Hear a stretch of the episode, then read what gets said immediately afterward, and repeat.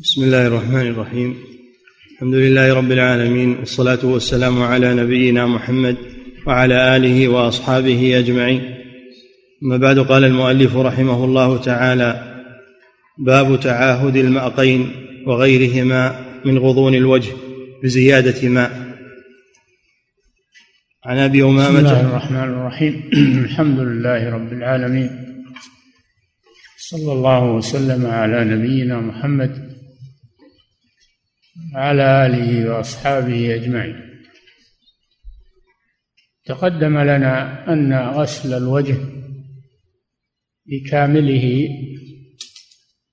أنه واجب وأنه من فروض الوضوء.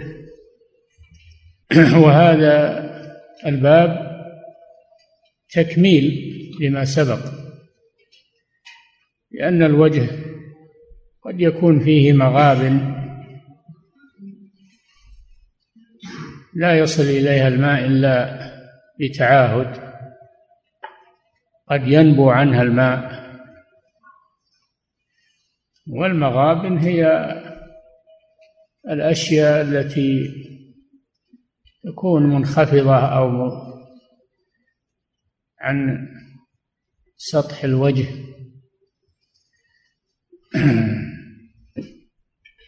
ومنقبضة شيئا. قد يمر الماء ولا يصل إليها فالمتوضي لا يستعجل يبلغ هذه المغابن. ومن ذلك الماقين أو الموقين وهما مؤخر العينين مما يلي الأنف مؤخر العينين مما يلي الأنف فهذا قد يحسر عنه الماء. فيبلغ بالماء. وكذلك ما في الوجه من تجاعيد خصوصا كبير السن. الماء ينبو عن هذه التجاعيد أو هذه المنخفضات يسيرا. فيحرص المسلم على أن يوصل إليها الماء. هذا معنى ما جاء في هذا الباب. نعم. باب تعاهد الماقين وغيرهما من غضون الوجه بزيادة ماء. نعم. عن أبي أمامة رضي الله عنه أنه وصف وضوء رسول الله صلى الله عليه وسلم فذكر ثلاثا ثلاثا قال وكان يتعاهد المأقين. رواه أحمد. ثلاثا ثلاثا هذا سبق غسل المضمضة والاستنشاق ثلاثا ثلاثا غسل الوجه ثلاثا غسل اليدين ثلاثا غسل الرجلين ثلاثا يعني ثلاث مرات هذا سبق. إلا أن هنا زيادة أنه صلى الله عليه وسلم كان يتعاهد الماقين أو الموقين وهما مؤخر العين مما يلي الأنف. نعم. وعن ابن عباس رضي الله عنهما أن علي رضي الله عنه قال يا ابن عباس ألا أتوضأ لك وضوء رسول الله صلى الله عليه وسلم؟ قلت بلى فداك أبي وأمي. قال فوضع إناء فغسل يديه ثم مضمض واستنشق واستنثر ثم أخذ بيديه فصك بهما وجهه. والقم إبهاميه ما أقبل من أذنيه. قال ثم عاد في مثل ذلك ثلاثا ثم أخذ كفا من ماء بيده اليمنى فأفرغها على ناصيته ثم أرسلها تسيل على وجهه ثم غسل يده اليمنى إلى المرفق ثلاثا ثم يده الأخرى مثل ذلك وذكر بقية الوضوء رواه أحمد وأبو داود.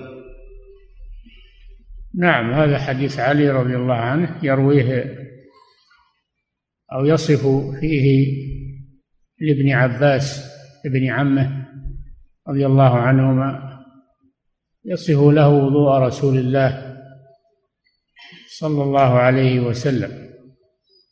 وهكذا كان الصحابة يحرصون على تلقي العلم عن رسول الله صلى الله عليه وسلم.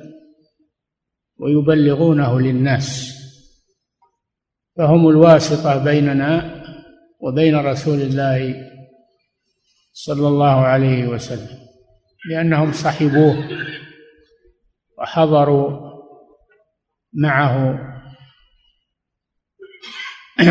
حضروا معه العمل الذي كان يعمله صلى الله عليه وسلم في عباداته. ويفسر بذلك القرآن الكريم. يفسره بفعله. فكانوا يتلقونه عنه ويحفظونه ثم يبلغونه لغيرهم ممن لم يحضر من إخوانهم أو ممن يأتي بعد. فهم الواسطة بيننا وبين رسول الله صلى الله عليه وسلم. والذي يطعن في الصحابة قصده بذلك إبطال هذه الواسطة واجتثاث هذا الدين من أصله لأنه إذا ألغي عمل الصحابة وروايتهم لأقوال الرسول صلى الله عليه وسلم وأفعاله. انقطعت الواسطة بيننا وبين رسول الله صلى الله عليه وسلم. وبالتالي نمشي على غير هدى في ديننا. هذا قصد أعداء الله ورسوله.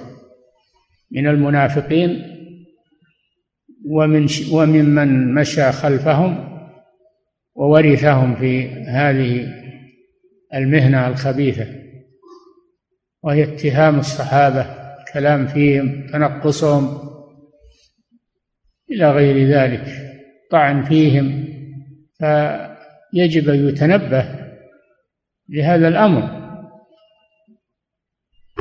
وهو أنه ليس غرضهم أشخاص الصحابة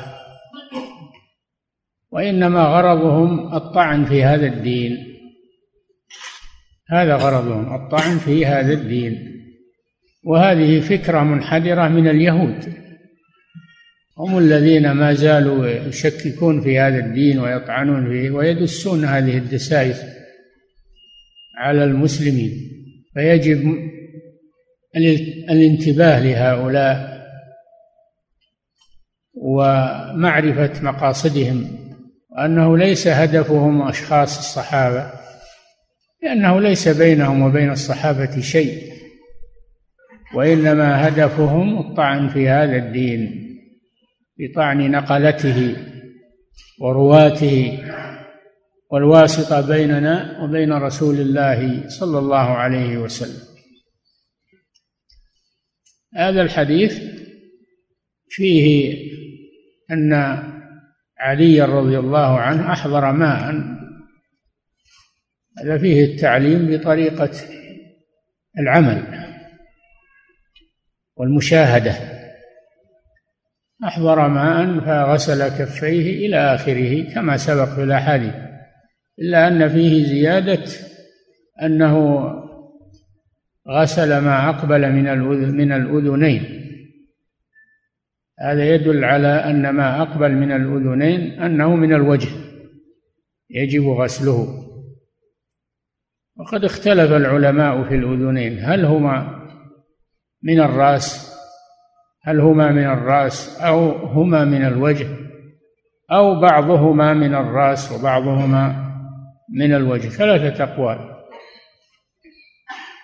وهذا القول هو القول الثالث أن بعضهما من الرأس وهو ظاهرهما وبعضهما من الوجه وهو ما أقبل منهما. فيكون حكمه الغسل ولا يكفي مسحه وما كان من الرأس يكفي مسحه. هذه مسألة. المسألة الثانية أنه بعدما غسل وجهه ثلاثا أخذ كفا من ماء صبه على ناصيته أي مقدم رأسه فجعل الماء يسيل على وجهه. فهذا من تكميل غسل الوجه. من تكميل غسل الوجه حتى يغسله بحدوده كاملة. نعم ولا يبقى شيء من الوجه لا يصل إليه الماء. نعم اعد الحديث. وعن ابن عباس رضي الله عنهما أن عليا رضي الله عنه قال يا ابن عباس ألا أتوضأ لك وضوء رسول الله صلى الله عليه وسلم؟ قلت بلى فداك أبي وأمي. قال فوضع اناء فغسل يديه ثم مضمض واستنشق واستنثر. كل هذا سبق نعم. ثم أخذ بيديه فصك بهما وجهه. أخذ بيديه يعني أخذ ماء. صك بهما وجهه يعني أفرغ الماء أفرغ الماء من يديه على وجهه. نعم. والقم إبهاميه ما أقبل من أذنيه. هذا محل هذا محل الشاهد. يدل على أن ما أقبل من الاذنين فهو من الوجه. يجب غسله. نعم. قال ثم عاد في مثل ذلك ثلاثا. يعني غسل الوجه. نعم. ثم أخذ كفا من ماء بيده اليمنى فأفرغها على ناصيته ثم أرسلها تسيل على وجهه. هذا من باب من باب تعهد استكمال حد الوجه من من الأعلى. حد الوجه من الأعلى. حد الوجه من الأعلى منابت شعر الرأس المعتاد. نعم. فما كان فما كان أسفل منابت شعر الرأس فهو من الوجه. وما كان فوق ذلك فهو من الرأس. نعم. ثم غسل يده اليمنى إلى المرفق ثلاثا ثم يده الأخرى مثل ذلك. المرفق أي نعم والمرفق داخل في الغسل كما سبق. نعم. وذكر بقية الوضوء. نعم. رواه أحمد وأبو داود وفيه حجة لمن رأى ما أقبل من الأذنين من الوجه. نعم وهو القول الثالث من الأقوال. قيل الأذنان من الرأس. الأذنان كلاهما من الرأس. وهذا تجدونه في كتب الفقه والمختصرات ومسح الرأس ومنه الأذنان.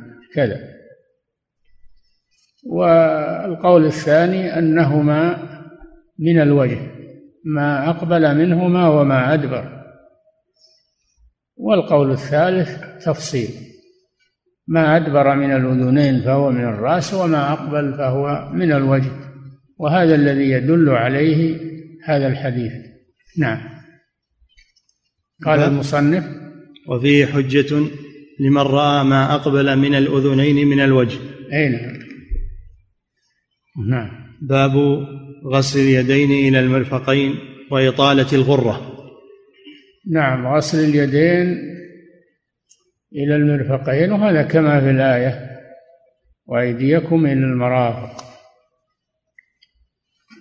وإطالة الغرة.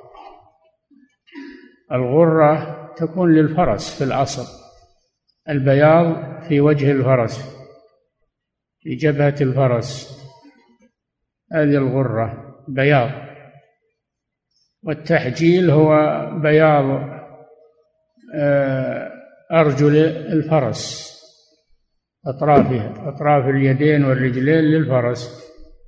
هذا تحجيل في الحديث إن هذه الأمة يأتون يوم القيامة غرا محجلين من آثار الوضوء أي أن هذا الوضوء تكون آثاره على الوجه واليدين والرجلين تكون نورا يوم القيامة. تعرف به هذه الأمة. غرا محجرين.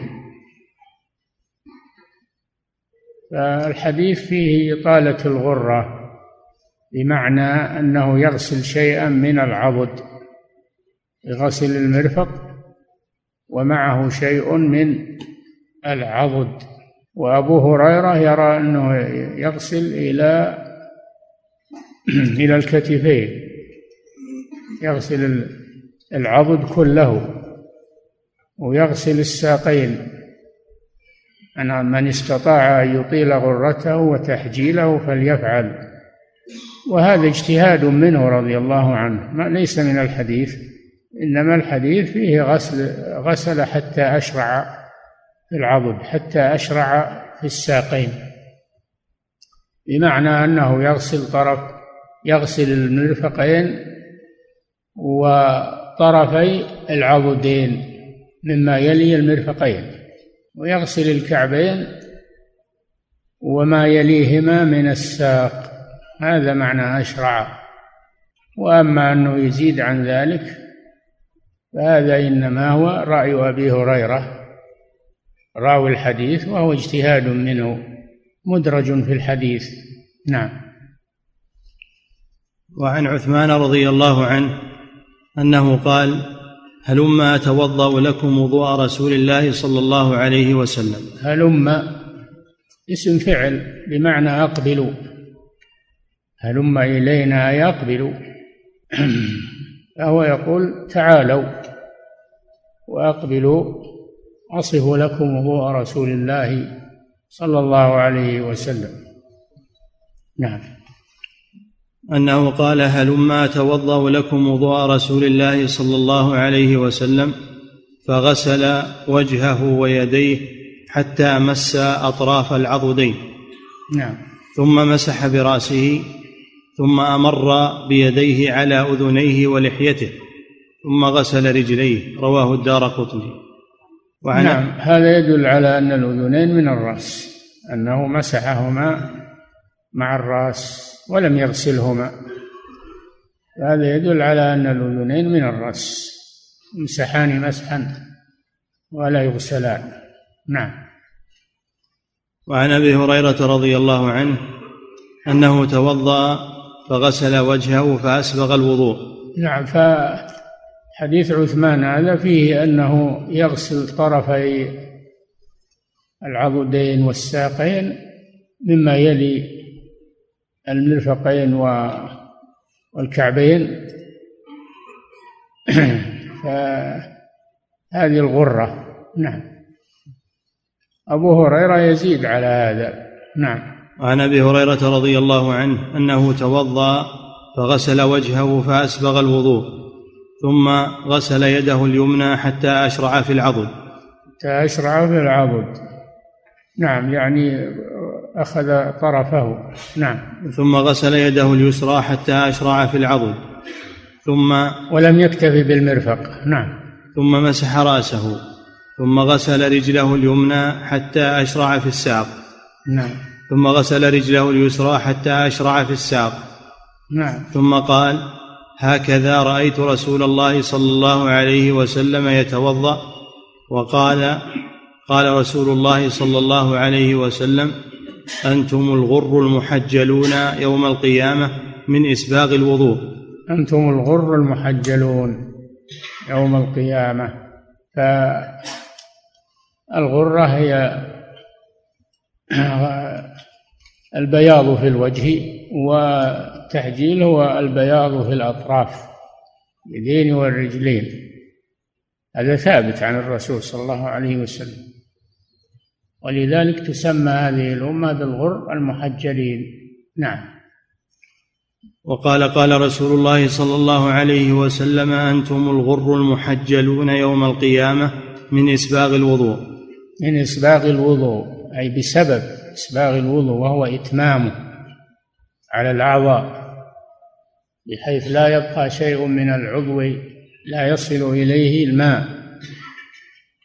فإن بقي شيء هذا لم يسبغ الوضوء. نعم. فمن استطاع منكم إلى آخره. من استطاع هذا من كلام أبي هريرة رضي الله عنه. ليس من الحديث من كلام أبي هريرة أو ما يسمى بالمدرج. نعم. فمن استطاع منكم فليطل غرته وتحجيله. نعم. رواه مسلم. نعم. ويتوجه منه وجوب غسل يقول المؤلف رحمه الله يقول المؤلف ويتوجه منه أي من هذا الحديث. نعم. ويتوجه منه وجوب غسل المرفقين لأن نص الكتاب يحتمله وهو غسل, مج... غسل المرفقين وهذا لا شك فيه. وقوله تعالى إلى المرافق يحتمل لأن إلى تأتي بمعنى نهاية الغاية فلا تدخل المرفقان. وتأتي بمعنى مع فتدخل المرفقان وهذا هو الصحيح في هذا أن قوله تعالى إلى المرافق أي مع المرافق إلى الكعبين أي مع الكعبين بدليل فعل الرسول صلى الله عليه وسلم حيث أدار الماء على مرفقيه. دل على أنهما داخلان في المغسول وأن إلى ليست لانتهاء الغاية كما هو الأصل فيها وإنما هي بمعنى مع. مثل قوله تعالى ولا تأكلوا أموالهم إلى أموالكم أي مع أموالكم. نعم. ويتوجه منه وجوب غسل المرفقين لأن نص الكتاب يحتمله وهو مجمل فيه. أي نعم نص الكتاب وهو القرآن يحتمل غسل المرفقين. أن المرفقين داخلان في المغسول لأن إلى تأتي لانتهاء الغاية وتأتي بمعنى مع فتدخل الغاية في المغيى. نعم. لأن نص الكتاب يحتمله وهو مجمل فيه. وفعله عليه الصلاة والسلام بيان لمجمل الكتاب. نعم. لأن نص القرآن يحتمل غسل المرفقين لأن مع تحتمل مع تحتمل فهي من المجمل. المجمل ما يحتمل معنيين أو أكثر. لا يترجح أحدهما على الآخر هذا المجمل. فعل الرسول صلى الله عليه وسلم يفصل هذا المجمل ويوضحه. نعم. وفعله عليه الصلاة والسلام بيان لمجمل الكتاب. مجمل القرآن. نعم. ومجاوزته للمرفق ليس في محل الإجمال ليجب بذلك. أما ما جاوز المرفق فهذا ليس مما أجمع عليه وإنما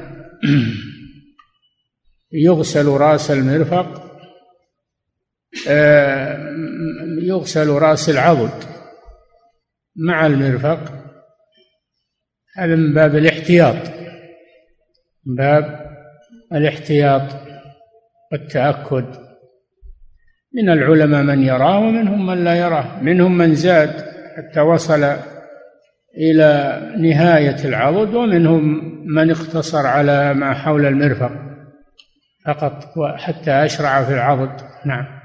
وأبو هريرة ممن يرون الغسل إلى نهاية العضد ونهاية الساق ويقول إن هذا من إطالة الغرة والتحجيل. لكن غيره من الصحابة خالفوه في ذلك. نعم. باب تحريك الخاتم وتخليل الأصابع ودلك ما يحتاج إلى دلك. كل هذا من باب التأكد.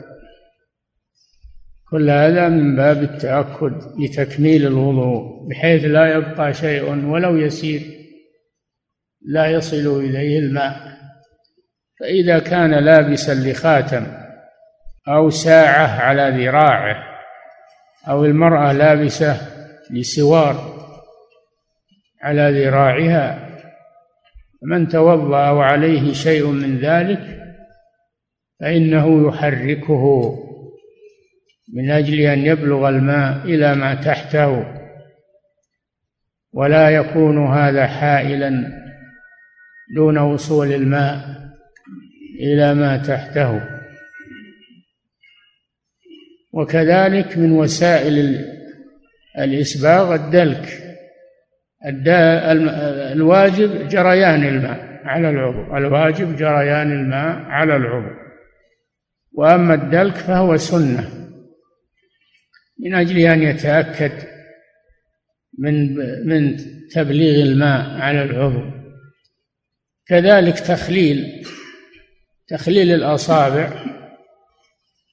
هذا إن كان يعلم أن الماء لم يصل إلى ما بين الأصابع فيجب عليه أن يغسل ما بين الأصابع أن يوصل الماء إلى ما بين الأصابع.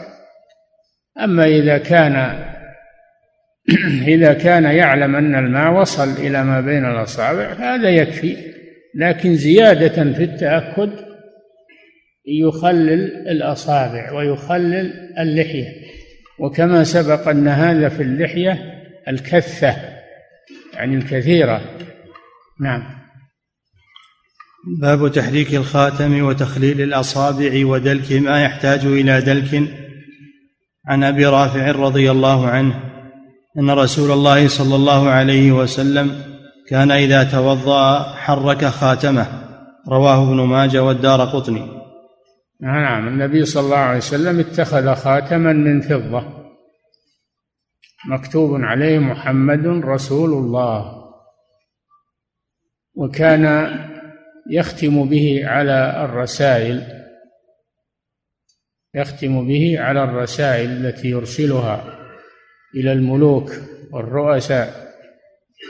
محمد رسول الله. محمد هذا هو السطر. فوقه رسول.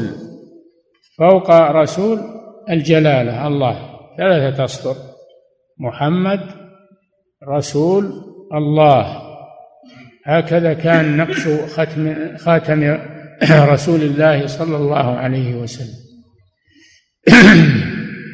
ففيه دليل على على اتخاذ الخاتم للحاجة. اتخاذ الخاتم للرجل للحاجة. وأنه لا بأس أن يكون من الفضة. أما الذهب فلا يجوز للرجل أن يتختم به. حرام شديد التحريم وهو جمرة من النار والعياذ بالله. كما قال النبي صلى الله عليه وسلم لا يجوز للرجل أن يتختم بالذهب إنما يجوز من الفضة. نعم. إن رسول الله صلى الله عليه وسلم كان إذا توضأ حرك خاتمه رواه ابن ماجه والدار قطني وعن ابن عباس رضي الله عنهما أن رسول الله صلى الله عليه وسلم قال إذا توضأت فخلل اصابع يديك ورجليك. رواه أحمد وابن ماجه والترمذي. خلل هذا قلنا إذا كان يعلم أن الماء لم يصل إلى ما بين الأصابع فإنه يجب عليه أن يوصله. فإن لم يوصله لم يصح وضوءه. أما إذا كان يغلب على ظنه أن الماء وصل إلى ما بين الأصابع فمن تكميل ذلك والتأكد يخلل أصابعه بمعنى أنه يدخل أصبعه أصبع يده الخنصر مبلولا بالماء بين الأصابع حتى يخلل ما بينهما بالماء. نعم. وعن المستورد بن شداد قال رأيت رسول الله صلى الله عليه وسلم إذا توضأ دلك أصابع رجليه بخنصره. رواه الخمسة إلا أحمد. هذا الدلك هذا هو الدلك ومعنى رواه الخمسة إلا أحمد يعني أصحاب السنن السنن الأربع. لو كان معهم مسند الإمام أحمد لصارت الخمسة. لو كان معهم الصحيحان لكانت السبعة. نعم. وعن عبد الله بن زيد بن عاصم أن النبي صلى الله عليه وسلم توضأ فجعل يقول هكذا يدلك رواه أحمد. نعم. وعن؟ عن عبد الله بن زيد بن عاصم أن النبي صلى الله عليه وسلم توضأ فجعل يقول هكذا يدلك رواه أحمد. يدلك هذه فيه دليل على استحباب الدلك دلك الأعضاء بالماء. هذا من المكملات للوضوء.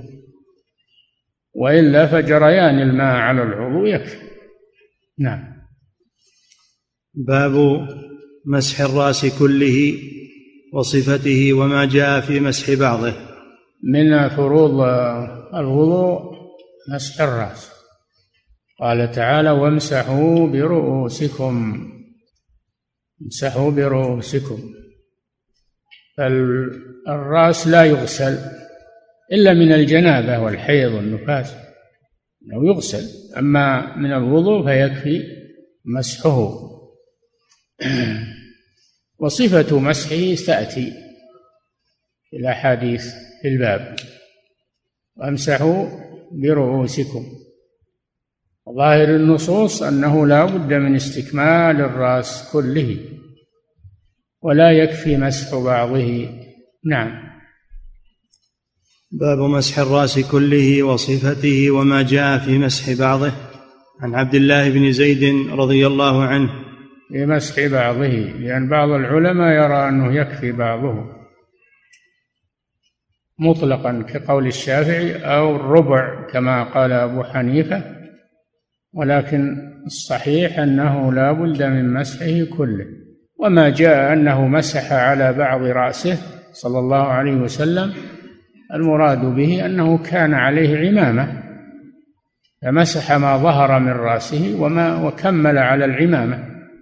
كما قال ابن القيم رحمه الله في زاد المعاد يقول إن صفة المسح الواردة عن الرسول صلى الله عليه وسلم ثلاث إن كان ليس عليه عمامة مسح على الرأس كله مباشرة وإن كان عليه عمامة ساترة لجميع الرأس فإنه يمسح على العمامة ويكفي عما تحتها وإن كان عليه عمامة ليست ضافية على الرأس فإنه يمسح ما ظهر ويكمل على العمامة.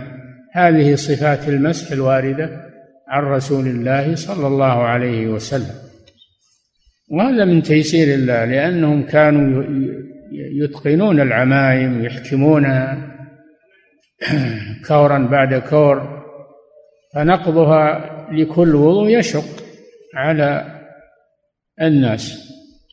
فالشارع اكتفى بمسحها بمسح ظاهرها مثل الخفين مثل الخفين. لو أن الإنسان يخلع الخفين لكل وضوء حصل في ذلك مشقة.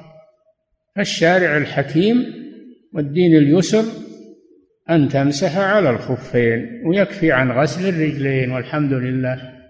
نعم. وعن عبد الله بن زيد رضي الله عنه أن رسول الله صلى الله عليه وسلم مسح رأسه بيديه فأقبل بهما وأدبر. مسح رأسه بيديه صلى الله عليه وسلم لا بيد واحدة. وضع يديه مبلولتين بالماء على مقدم رأسه. ثم أجراهما إلى قفاه. ثم ردهما إلى المكان الذي بدأ منه. هذه صفة. الصفة الثانية العكس أنه يبدأ من مؤخر الرأس ويقبل بهما إلى الناصية ثم يدبر بهما إلى المكان الذي بدأ منه. الصفة الثالثة أنه يضع يديه مبلولتين بالماء على وسط الرأس. ثم يذهب بهما إلى قفاه ثم يردهما إلى مقدم رأسه.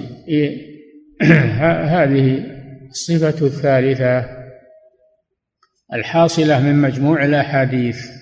نعم. وعن عبد الله بن زيد رضي الله عنه أن رسول الله صلى الله عليه وسلم مسح رأسه بيديه فأقبل بهما وأدبر بدأ بمقدم رأسه ثم ذهب بهما إلى قفاه ثم ردهما إلى المكان الذي بدأ منه. رواه نعم. الجماعة. نعم ببلل واحد ما يأخذ بلل ثاني من القفا إلى إلى المقدمة؟ لا يكفي بلل واحد. نعم. وعن الربيع هذه صفة واحدة. نعم. وعن الربيع وهذه هي المشهورة والمعروفة. نعم. وعن الربيع بنت معوذ رضي الله عنها أن رسول الله صلى الله عليه وسلم توضأ عندها ومسح برأسه فمسح الرأس كله من فوق الشعر. كل ناحية لمنصب كل كل ناحية لمنصب الشعر. لا يحرك الشعر عن هيئته. رواه أحمد وأبو داود. لا يحرك الشعر عن هيئته. إذا كان مجدولا أو مظهورا أو آه، ملبدا فإنه لا ينقضه ولا يحركه عن هيئته بل يمسح على ظاهره فقط. الرجل والمرأة سواء. نعم. وفي لفظ مسح برأسه مرتين بدأ بمؤخره ثم بمقدمه. هذه الصفة الثانية بدأ من مؤخره إلى مقدمه ثم ردهما إلى المكان الذي بدأ منه. نعم. وبأذنيه كلتيهما ظهورهما وبطونهما. وهذا يدل على أن الأذنين من الرأس وهو أحد الأقوال الثلاثة التي مرت. أنه مسح أذنيه أذنيه يعني فدل على أن الأذنين من الرأس مقدمهما ومؤخرهما. وصفة مسح الأذنين أنه يدخل أصبعه السبابة أو أصبعيه السبابتين في خرقي الأذنين الصماخين. ويضع إبهاميه مبلولتين بالماء على ظاهرهما فيديرهما من الظاهر والداخل مرة واحدة. هذه صفة مسح الأذنين. نعم. رواه أبو داود والترمذي وقال حديث حسن. نعم. وعن أنس رضي الله عنه قال الحديث. وعن الربيع بنت معوذ وعن الربيع بنت معوذ رضي الله عنها أن رسول الله صلى الله عليه وسلم توضأ عندها ومسح برأسه فمسح الرأس كله من فوق الشعر. مسح الرأس كله.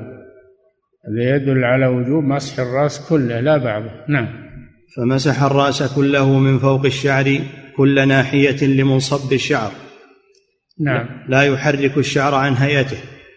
إذا كان عليه المرأة له شعر طويل وضفائر أو الرجل بعض الرجال يغذي رأسه ويصير ضفائر فإنه يمسح الرأس فقط ولا ينزل مع مع مع الشعر النازل. ما يكفي مسح أصوله. ما يحاذي الرأس فقط. نعم. لا يحرك الشعر عن هيئته رواه أحمد وأبو داود. وفي لفظ مسح, مسح برأسه مرتين بدا بمؤخره ثم بمقدمه. نعم هذه الصفة الثانية. وبأذنيه كلتيهما ظهورهما وبطونهما. نعم. رواه أبو داود والترمذي وقال حديث حسن. هذا دليل أن الأذنين من الرأس. قدمهما ومؤخرهما. نعم. وعن أنس رضي الله عنه قال رأيت رسول الله صلى الله عليه وسلم يتوضأ وعليه عمامة قطرية فأدخل يده. قطرية قطرية نسبة إلى موضع سمى قطر قريب من من عمان. هو معروف الآن قطر. صارت الآن دولة. نعم. رأيت. رسول الله صلى الله عليه وسلم يعني يعني موردة من قطر لأنهم كانوا يصنعون الألبسة يوردونها على الناس. تنسب إليه يماني قطري كذا. نعم ما صنع فيه. نعم. رأيت رسول الله صلى الله عليه وسلم يتوضأ وعليه عمامة قطرية فأدخل يده من تحت العمامة فمسح قطرية أو قطرية بفتح القاف جائز كل هذا قطري أو قطري أو قطري كله جائز. نعم. فأدخل يده من تحت العمامة فمسح مقدم رأسه ولم ينقض العمامة. رواه أبو داود. هذه إحدى الصفات الثلاث أن العمامة إذا كانت يظهر شيء من الرأس فإنه يمسح على ما ظهر ويكمل على العمامة. ما إذا كانت العمامة مستوعبة للرأس ولا يظهر من الرأس شيء فإنه يكتفي بالمسح على العمامة. نعم. باب هل يسن تكرار مسح الرأس أم لا؟ نعم. عن أبي حية قال رأيت عليا توضأ فغسل كفيه حتى أنقاهما. ثم مضمض ثلاثا واستنشق ثلاثا فغسل وجهه ثلاثا وذراعيه ثلاثا ومسح برأسه مرة. ثم غسل مسح برأسه مرة هذا محل الشاهد يعني لم يكرر. نعم. ومسح برأسه مرة ثم غسل قدميه إلى الكعبين ثم قال أحببت أن أريكم كيف كان طهور رسول الله صلى الله عليه وسلم. رواه الترمذي وصححه. انظروا إلى اهتمام الصحابة رضي الله عنهم بسنة الرسول صلى الله عليه وسلم. إنهم كانوا يعتنون بها وينقلونها كما شاهدوها يبينونها للناس. فهم الواسطة بيننا وبين رسول الله صلى الله عليه وسلم. فمن يطعن في الصحابة إلا منافق والعياذ بالله من أهل الدرك الأسفل من النار. نعم. وعن ابن عباس رضي الله عنهما أنه رأى رسول الله صلى الله عليه وسلم يتوضأ فذكر الحديث كله ثلاثا ثلاثا قال ومسح رأسه وأذنيه مسحة واحدة. مسحة واحدة على الصفة التي مرت بكم إما أن يبدأ بالمقدمة إلى المؤخرة وإما أن يبدأ بالعكس من المؤخرة إلى المقدمة وإما أن يبدأ من الوسط ويكمل من المؤخرة ومن المقدمة. المهم أنه يأتي على رأسه كله ما يترك منه شيئا. لم يمسحه. نعم. قال ومسح رأسه وأذنيه مسحة واحدة. رواه أحمد وأبو داود. نعم. ولأبي داود عن عثمان رضي الله عنه أنه توضأ مثل ذلك وقال هكذا رأيت رسول الله صلى الله عليه وسلم يتوضأ. نعم. وقد سبق حديث عثمان المتفق عليه بذكر العدد ثلاثا ثلاثا إلا في الرأس. ثلاثا ثلاثا في المضمضة والاستنشاق والوجه واليدين والرجلين. ثلاثا ثلاثا. هذا تواترت فيه الأحاديث. إلا الرأس فكلها اتفقت على أنه مرة واحدة. بمعنى أنه لا يأخذ له بللا ثانيا في رجوعه إلى المقدمة أو رجوعه إلى المؤخرة وإنما هو ببلل واحد مسحة واحدة. نعم. وقد سبق حديث عثمان المتفق عليه بذكر العدد ثلاثا ثلاثا إلا في الرأس. قال أبو داود أحاديث عثمان الصحاح كلها تدل على مسح الرأس أنه مرة. نعم. فإنهم ذكروا الوضوء ثلاثا وقالوا فيها ومسح رأسه ولم يذكر عددا كما مسحوا برأسه. وامسحوا برؤوسكم ولم يذكر عددا. نعم. وقالوا فيها ومسح رأسه ولم يذكروا عددا كما ذكروا في غيره. لم يقولوا ثلاثا. نعم. باب أن الأذنين من الرأس وأنهما يمسحان بمائه. هذا نعم هذا القول الثالث نعم. وقد سبق في ذلك حديث حديث ابن عباس ولابن ماجه من غير وجه عن النبي صلى الله عليه وسلم قال الأذنان من الرأس. نعم هذا نص من الرسول صلى الله عليه وسلم. الأذنان وهذا يشمل المقدم والمؤخر. وأنهما من الرأس وما دام من الرأس فإنهما يمسحان معه. نعم. وعن الصنابحي أن النبي صلى الله عليه وسلم قال إذا توضأ العبد المؤمن فتمضمض خرجت الخطايا من فيه. نقف عند هذا نعم.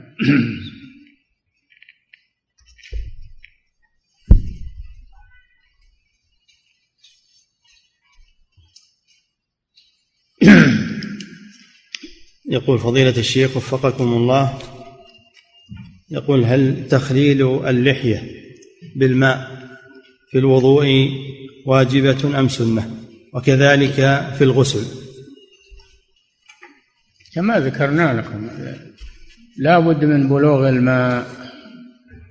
لكن إذا كانت اللحية كثة فيكفي غسل ظاهرها ويستحب تقليل باطنها. أما إن كانت اللحية خفيفة يرى الجلد من ورائها فلا بد من غسلها مع ما تحتها. نعم. يقول فضيلة الشيخ وفقكم الله هذا الاختلاف في صفة الوضوء. هل لمن عرفه أن ينوع ليتبع السنة؟ ما في اختلاف ولله الحمد. ما في اختلاف في صفة الوضوء. كلها مجمعة على غسل على المضمضة والاستنشاق وغسل الوجه ثلاثا ثلاثا وغسل اليدين ثلاثا ثلاثا مع المرفقين وغسل الرجلين مع الكعبين ثلاثا ثلاثا ومسح الرأس. مرة ما فيها اختلاف كلهم اتفقوا على هذا. نعم. يقول فضيلة الشيخ وفقكم الله تكرر هذا السؤال وهو أنه قد ورد في حديث ابن عباس رضي الله عنهما أنه قال لعلي بلى فداك أبي وأمي ففدى ابن عباس والداه بعلي فهل يفدى غير النبي صلى الله عليه وسلم؟ إي نعم فدى للناس الفضلاء والعلماء ما في بأس. نعم. وهل هذا يدل يقول على أن عليا أفضل من العباس رضي الله عنهم أجمعين؟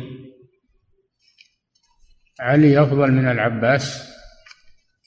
العباس عم الرسول صلى الله عليه وسلم وصنو أبيه وعلي ابن عمه أيهما أفضل العم ولا ابن العم؟ الأفضل ابن العم لكن عند علي مرجحات ليست عند العباس مثل كونه من الخلفاء الراشدين كونه من العشرة المبشرين بالجنة كونه زوج زوج فاطمة. عند علي فضائل ليست عند العباس. رضي الله عنه. نعم. يقول فضيلة الشيخ وفقكم الله هل يستدل من حديث علي رضي الله عنه في وصف وضوء رسول الله صلى الله عليه وسلم؟ هل؟ هل يستدل أو هل يؤخذ من حديث علي في وصفه لوضوء الرسول صلى الله عليه وسلم على استحباب إرسال غرفة من الماء على الناصية بعد غسل الوجه ثلاثة؟ نعم هذا واضح. يستحب هذا لأجل التأكد من أنه لم يبقى من الوجه من أعلى الوجه شيء لم يصل إليه الماء. نعم. يقول فضيلة الشيخ وفقكم الله يقول عرفنا أن ما أقبل من الأذنين هو من الوجه فهل ما أدبر منهما يكون من الرأس وما هو الراجح في الأذنين؟ يعني معناه ان شرحنا راح ما نشرح ونكرر في هذا. نقول العلماء اختلفوا في الأذنين. هل هما من الرأس كلهما أو ما أو من الوجه كلهما أو ما أقبل منهما من الوجه وما أدبر من الرأس؟ ثلاثة أقوال. والسائل كأنه ما حضر أو حاضر ونيم أو ما أدري السبب. نعم. يقول فضيلة الشيخ وفقكم الله. يقول من قلد أبا هريرة رضي الله عنه في إطالة الغرة. لا لا لا ما, ما يقلد أبا هريرة يعمل بالأحاديث ولا نعم. ويقول حفظك الله جاء في حديث أبي هريرة رضي الله عنه أنه قال أنه غسل يده اليمنى حتى أشرع في العضد ثم قال هكذا رأيت رسول الله صلى الله عليه وسلم. كغيره. رواية أبي هريرة هذا كرواية غيره. الإشراع في العضد هذا مطلوب عند الجميع. لكن أبو هريرة زاد. حتى غسل العضد كله. هذا الذي نعم. يقول فضيلة الشيخ وفقكم الله. يقول ما المراد بإسباغ الوضوء؟ الإسباغ الإتمام. الإسباغ هو الإتمام بحيث لا يبقى شيء من العضو لم يصل إليه الماء. مثل ما لو لبست لباس سابغ إذا ضفى عليك كلك يقال له سابغ. إذا خرج شيء من أعضائك يقال هذا غير سابغ. نعم. يقول فضيلة الشيخ وفقكم الله هل لبس الخاتم يعد من السنة؟ لا من المباحات ما هو من السنة. من يحتاج إليه يلبسه أما اللي ما يحتاج إليه ما هو. فهو من المباحات من اللباس. نعم. ويقول وما حكم لبس الخاتم من الحديد أو من النحاس؟ جائز. التمس ولو خاتما من حديد. يقول الرسول صلى الله عليه وسلم التمس ولو خاتما من حديد. دل على جوازه. لكن كرهه من كرهه لأنه حلية أهل النار والعياذ بالله. نعم. يقول فضيلة الشيخ وفقكم الله. يقول هل يجوز أو يقول ما الأصابع التي لا يجوز لبس الخاتم فيها؟ وهل ورد في ذلك شيء من السنة؟ الإنسان يلبس مثل ما يلبس المجتمع. إذا كان المجتمع يلبس الخاتم بالخنصر أو بالبنصر يلبس مثلهم. يلبسون الساعة في اليد اليسرى يلبس مثلهم. ما يخالف المجتمع الذي لم يخالف السنة هذا من الأمور المباحة. فإذا أخذ المجتمع بجانب من المباح أو من المسنون فأنت تأخذ به ولا تشذ عنهم. نعم لاحظوا هذا. الشذوذ ما هو طيب. نعم. يقول فضيلة الشيخ وفقكم الله هل يكون تخليل الأصابع في الغسلات الثلاث لمن يغسل ثلاثا أو يكون هل هل يكون تخليل الأصابع في الغسلات الثلاث لمن يغسل ثلاثا أو يكون ذلك مرة واحدة؟ ما ورد شيء من هذا. تخللهم وخلاص. تخللهم وخلاص. إن بغيت ثلاث وإن بغيت واحدة. نعم. يقول فضيلة الشيخ وفقكم الله أتوضأ وأسيل الماء على رجلي. ولكن بعض الرجل يبقى فيه بعض البياض اليسير على شكل فقاعات صغيرة ولا يزول ذلك إلا بالدلك وخاصة في الشتاء. فهل يكون الدلك حينئذ واجبا أم يكتفى بإسالة الماء؟ الواجب أن يجري الماء على العضو وأما الدلك فهو سنة للتأكد فقط. نعم. في الشتاء وفي الصيف. في الليل وفي النهار. الدلك سنة للتأكد. أما جريان الماء على العضو فهو فرض واجب. نعم. يقول فضيلة الشيخ وفقكم الله هل في غسل النبي صلى الله عليه وسلم لما استرسل من لحيته؟ هل فيه دليل على وجوب مسح ما استرسل من شعر المرأة وإن طال؟ لا لأن اللحية من الوجه أما ما استرسل من شعر المرأة ليس من الرأس. تابع للرأس وليس هو من الرأس. نعم. يقول فضيلة الشيخ وفقكم الله إذا كان في باطن القدم بعض الوساخات فهل يكفي صب الماء على ذلك أم يجب الدلك؟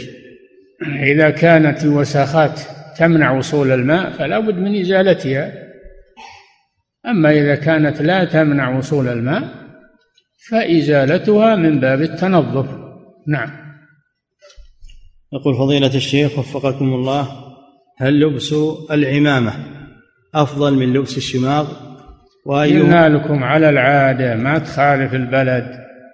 ما تخالف البلد. إذا صار البلد يلبس غترة ولا شمار ما تخالفهم وتلبس عمامة. إذا كانوا بالعكس يلبسون عمامة كلهم ما تخالفهم وتلبس شمار خلك مثل المسلمين في البلد الذي أنت فيه لئلا ترمى بالشذوذ ويساء بك الظن تصير محط للكلام.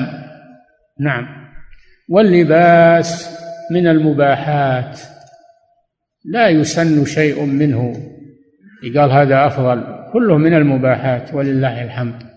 نعم. يقول فضيلة الشيخ وفقكم الله يقول ذكرتم حفظكم الله في درس سابق أنه لا بأس بالتسمية في الحمام لأن الأذى يذهب مع الماء بخلاف الحشوش فإن الأذى يبقى في المكان. فهل هذا هذه من ناحية ومن ناحية ثانية كما يقول الشيخ بن باز رحمه الله إن التسمية واجبة. وذكر الله في الحمام مكروه فلا تترك الواجب من أجل شيء مكروه. نعم. يقول فضيلة الشيخ وفقكم الله هذه أسئلة كثيرة وردت في حكم من يسب الصحابة. هل يقال بأنهم كفار؟ ومن سب أحدا معينا من الصحابة شخصا واحدا فهل يكون كافرا بذلك؟ مسألة الكفر هذه تحتاج إلى حكم شرعي. ما يحكم على أحد بالكفر إلا حضوره للمحكمة واستنطاقه والتسجيل عليه. يحكم عليه بالكفر. أما أن نطلق الكفر على الناس ونقتلهم ونقول هذول كفار هذا ما هذه فوضى لا تجوز. هذه الأمور خلوها للعلماء وخلوها للمحاكم الشرعية. لكن على صفة العموم تقول من سب الصحابة فهو كذا على صفة العموم نعم. أما الأشخاص فلا بد من من مناقشتهم ولا بد من استنطاقهم. نعم. ويقول فضيلة الشيخ وفقكم الله تعلمون يقول تعلمون ما حصل في هذه الأيام من سب أحد الرافضة لأم المؤمنين عائشة رضي الله عنها وأرضاها فما واجب المسلم في ذلك؟ هذا الحمد لله ظهر على وقت الرسول صلى الله عليه وسلم ونزل القرآن لسحقه و والرد على من تفوه به. وهذا من رحمة الله أنه حصل وقت نزول القرآن. كل من جاء بعد هذا فإن الحكم عليه مثل ما جاء في القرآن. مثل ما جاء في القرآن إلى أن تقوم الساعة. ما جاءوا بجديد هم الآن. هم أحيوا سنة المنافقين. في عهد الرسول صلى الله عليه وسلم. والقرآن نازل في الجميع في كل من عمل هذا إلى أن تقوم الساعة. نعم. وهذا يقول فضيلة الشيخ وفقكم الله هل يجوز لي أن أنظر إلى القنوات الفضائية التي يأتي فيها الرافضة وهم يلعنون الصحابة وأمهات المؤمنين ثم يأتي بعد ذلك من يعلق ويرد عليهم؟ أنا أقول الأحسن لك تبتعد عنها. لا تشوش عليك أو قد يقع في نفسك شيء على صحابة رسول الله صلى الله عليه وسلم فتهلك. ابتعد عنها وأنت في عافية ولله الحمد. وما كان ينبغي عرض هذه الأمور على الناس وعلى الملأ.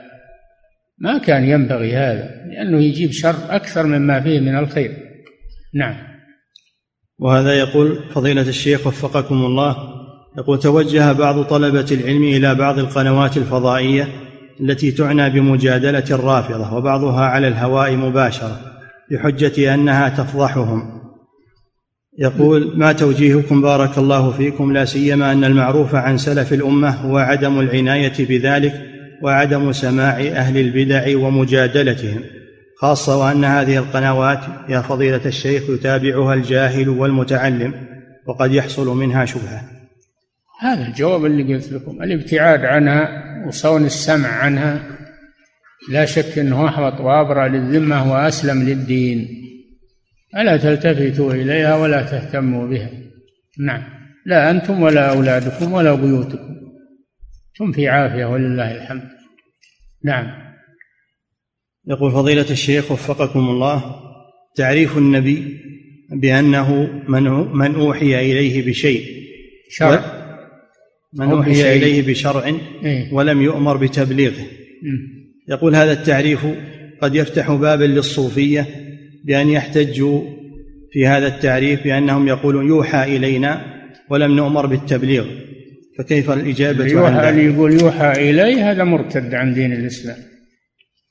أي واحد من الصوفية أو غيره اللي يقول إنه يوحى إلى ما في وحي بعد الرسول صلى الله عليه وسلم. اللي يقول إنه يوحى إليه هذا مرتد عن دين الإسلام. يجب أن يستتاب. إن تاب وإلا قتل. ما فيه وحي بعد الرسول صلى الله عليه وسلم إلى أن تقوم الساعة. نعم.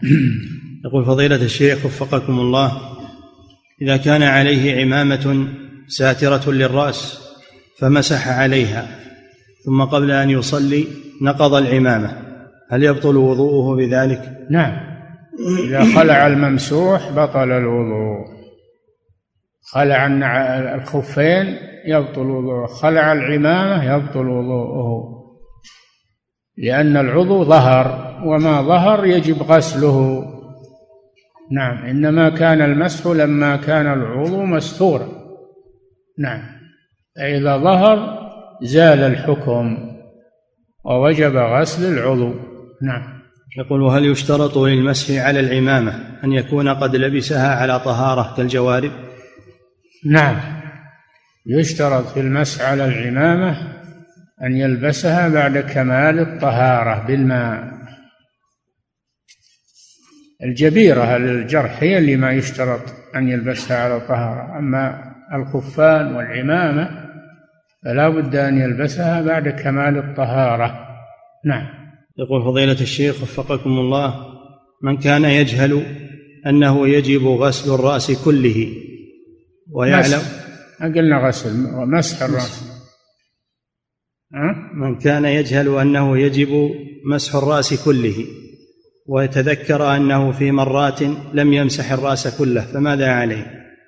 عليه لما عرف أنه يمسح الرأس كله واللي مضى الحمد لله. معفو عنه إن شاء الله. نعم.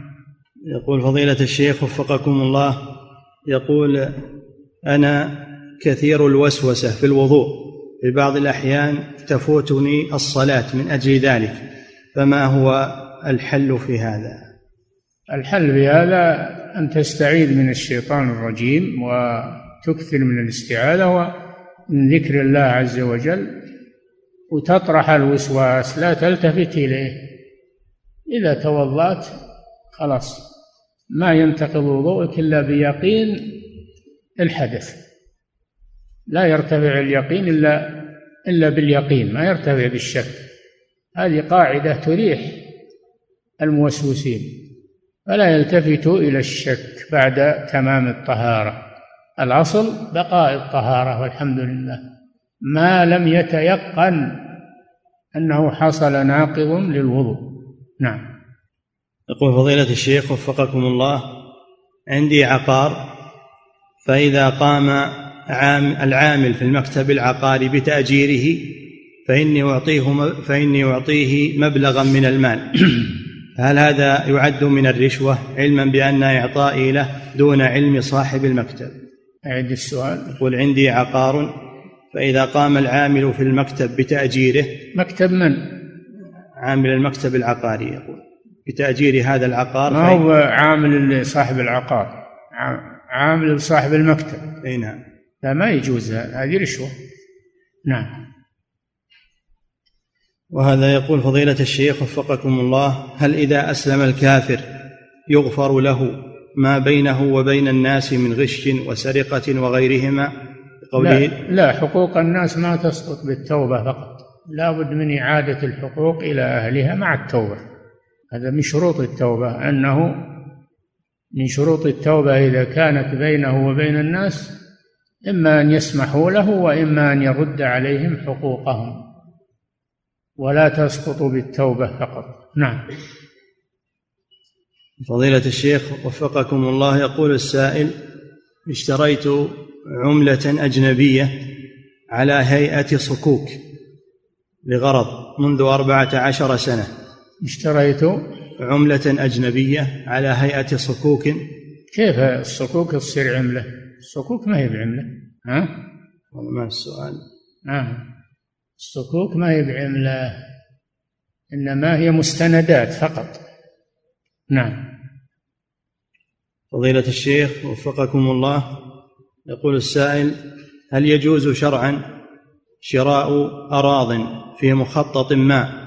شراؤها من أصحابها إذا علمنا أنه ستنفذ مشروعات حكومية في هذا المخطط ترفع من قيمتها دون أن يعلم أصحاب الأراضي بذلك أي بأنه سيقام عليها مشروعات. فهل يعتبر هذا غبنا للبائع؟ نعم. لا بد أنه يبين للبائع أن, أن الأرض لها مستقبل وأن نبي نشريها منك. بما تساوي؟ بما تساويه؟ ما يخدعونه ويأخذونه وبعدين تبين أنهم أنهم كاتمين عنه المستقبل الذي سمعوا به. نعم. يقول فضيلة الشيخ وفقكم الله هل يجوز وضع لاصق على السيارة أو على المحلات التجارية بقوله ما شاء الله أو تبارك الله؟ هل هذا العمل جائز؟ هذا ما ما, ما له أصل من عمل السلف ما كانوا ملصقات. الذكر مطلوب باللسان ما هو مطلوب بالملصقات باللسان وبالقلب. الملصقات ما تكفي. هذا من ناحية. الناحية الثانية أن بعضهم يتخذ هذا من باب الحروز. يظن أنها تدفع العين وأنها هذه حروز بتصير إذا من الحروز ومن التمايم التي نهى عنها الرسول صلى الله عليه وسلم. نعم. كذلك يقول فضيلة الشيخ وفقكم الله ما حكم تعليق الآيات القرآنية أو الأدعية النبوية في المنزل على شكل لوحات للزينة؟ وهذا أشد هذا فيه امتهان للقرآن. فيه امتهان للقرآن. اتخاذ القرآن للزينة لا للتلاوة ولا للعمل ولا. نعم. يقول فضيلة الشيخ وفقكم الله قول القائل اللهم إني لا أسألك رد القضاء ولكن أسألك اللطف فيه. هل هذا الدعاء جائز؟ ما أدري لا أعلم له أصلا. يقول اللهم إني أسألك اللطف في القضاء. ولا حاجة هنا يقول لا أسألك كذا. نعم. اللهم ما قضيت من قضاء فاجعل عاقبته خيرا لي في الأمور كلها. هذا الدعاء. نعم.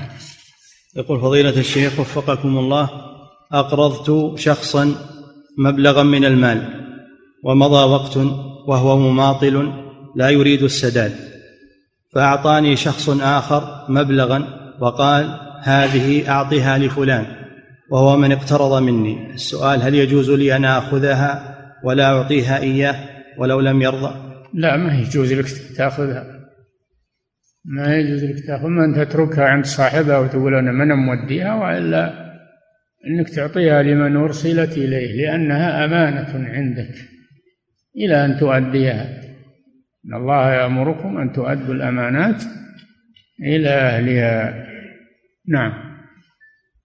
يقول فضيلة الشيخ وفقكم الله رجل صام أول رمضان في الرياض ثم سافر أثناء الشهر إلى خارج المملكة فوجد أن هذا البلد متأخر بيوم عن المملكة فإذا وافق هذا هذا البلد فإنه يكون قد صام إحدى وثلاثين يوما فهل يوافقهم أم يكتفي بصوم الثلاثين؟ الله إذا نظرنا إلى أن الأصل أن المسلم ما يشذ عن المسلمين يأخذ حكم البلد الذي هو فيه صوما وفطرا يصوم معهم ويفطر معهم ولا يخالفهم لكن إن كان ولا بد يخالفهم في الباطن. ما يظهر الإفطار ويظهر المخالفة ظاهرا خالفهم في الباطن. نعم. يقول فضيلة الشيخ وفقكم الله يقول أنا أبحث عن موظفين لإحدى الشركات فإذا وجدت شخصا مناسبا لهذه الوظيفة قدمته إلى هذه الشركة والشركة تعطيني مبلغا من المال لكل شهر يشتغل فيه هذا الشخص. هل يجوز هذا؟ كل شهر؟ نعم عن هذا الشخص الذي أتى به. هذا ما يجوز. هذا ما يجوز إنك تأخذ كل شهر ضريبة على هذا الشخص. الذي قدمته للشركة. ما يجوز هذه ضريبة. على أي وجه تأخذ؟ نعم. يقول فضيلة الشيخ وفقكم الله ما حكم ما حكم لبس السراويل الضيقة؟ وهل تصح الصلاة بها؟ الصلاة تصح إذا كان لم يظهر من العورة شيء لم ينكشف شيء لكن الضيق أول شيء أنك ما تتمكن من من الركوع والسجود على الصفة المطلوبة. ضيق. ثانيا أنه يصف أحجام الأعضاء ففيه فتنة. تجنب الضيق. نعم. يقول فضيلة الشيخ وفقكم الله هل صحيح أن من لم يختم القرآن في أربعين يوما يكون هاجرا له؟ ما في تحديد فيما أعلم ما في تحديد لختم القرآن لكن كل ما كل ما آه، ختمه كرر ختمه هو أفضل. كثرة ختم القرآن أفضل. السلف لكن السلف يحزبونه في قيام الليل. منهم من يختم في كل شهر منهم من يختم في كل عشر. ليال منهم من يختم في كل سبع منهم من يختم في كل ثلاث. هذا المشهور عنه منهم من يختم في كل ليلة. منهم من يختم في ركعة واحد مثل عثمان رضي الله عنه. هذه تتبع الرغبات وتتبع آه، النشاط وتتبع ما في تحديد فيما أعلم ما في تحديد. نعم. يقول فضيلة الشيخ وفقكم الله امرأة أحرمت للعمرة. نعم. امرأة أحرمت بالعمرة وبعد إحرامها لبست النقاب لأنها كانت في حضرة رجال. فهل تغطية الوجه تكون بلبسها للنقاب؟ وإن كان هذا الفعل خطأ فهل عليها كفارة علما بأنها جاهلة؟ هذا في حديث عائشة رضي الله عنها أنها كنا مع النبي صلى الله عليه وسلم في حجة الوداع فإذا مر بهم الرجال بهن الرجال سدلت إحداهن خمارها من على رأسها على وجهها خمار أو ثوبها تغطي وجهها. أما النقاب والبرقع فهذا حرام من محظورات الإحرام. فإن لبسته متعمدة عليها الفدية وإن لبسته جاهلة أو ناسية فليس عليها شيء. نعم. فضيلة الشيخ وفقكم الله هذا سائل من أمريكا يقول بعض الشباب عندنا يأتون إلى المسجد ويصلون فيه أحيانا ولكن يغلب على ظننا أنهم يسرقون أحيانا من صناديق الصدقة التي موجودة في المسجد. فما نصيحتكم؟ وهل يجوز لنا أن نمنعهم من دخول المسجد؟ لا تمنعوهم من دخول المسجد لكن امنعوا الأموال ما توضع في المسجد. خذوها لا في المسجد. هذا إغراء لهم ولغيرهم. وهذا من تضييع المال أيضا. نعم. يقول فضيلة الشيخ وفقكم الله ما حكم إطالة السجود بالدعاء؟ أو ما حكم إطالة السجود لأجل الدعاء قبل غروب الشمس يوم الجمعة؟ تحريا لساعة الإجابة وهذا في تحية المسجد. ما في صلاة بعد صلاة العصر إلى أن تغرب الشمس ما في صلاة.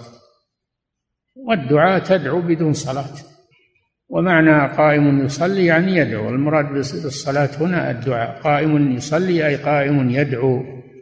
نعم. يقول فضيلة الشيخ وفقكم الله من أمذى من أمذى وهو صائم. في نهار رمضان فهل عليه قضاء؟ إن كان المذي بدون سبب فليس عليه قضاء. ما إن كان بسبب نظر أو تفكير فهذا محل خلاف بين العلماء. كونه يقضي أحوط. نعم. يقول فضيلة الشيخ وفقكم الله يقول السائل لدي وساوس وشكوك مع زوجتي حتى وصل بي الحال إلى طلاقها.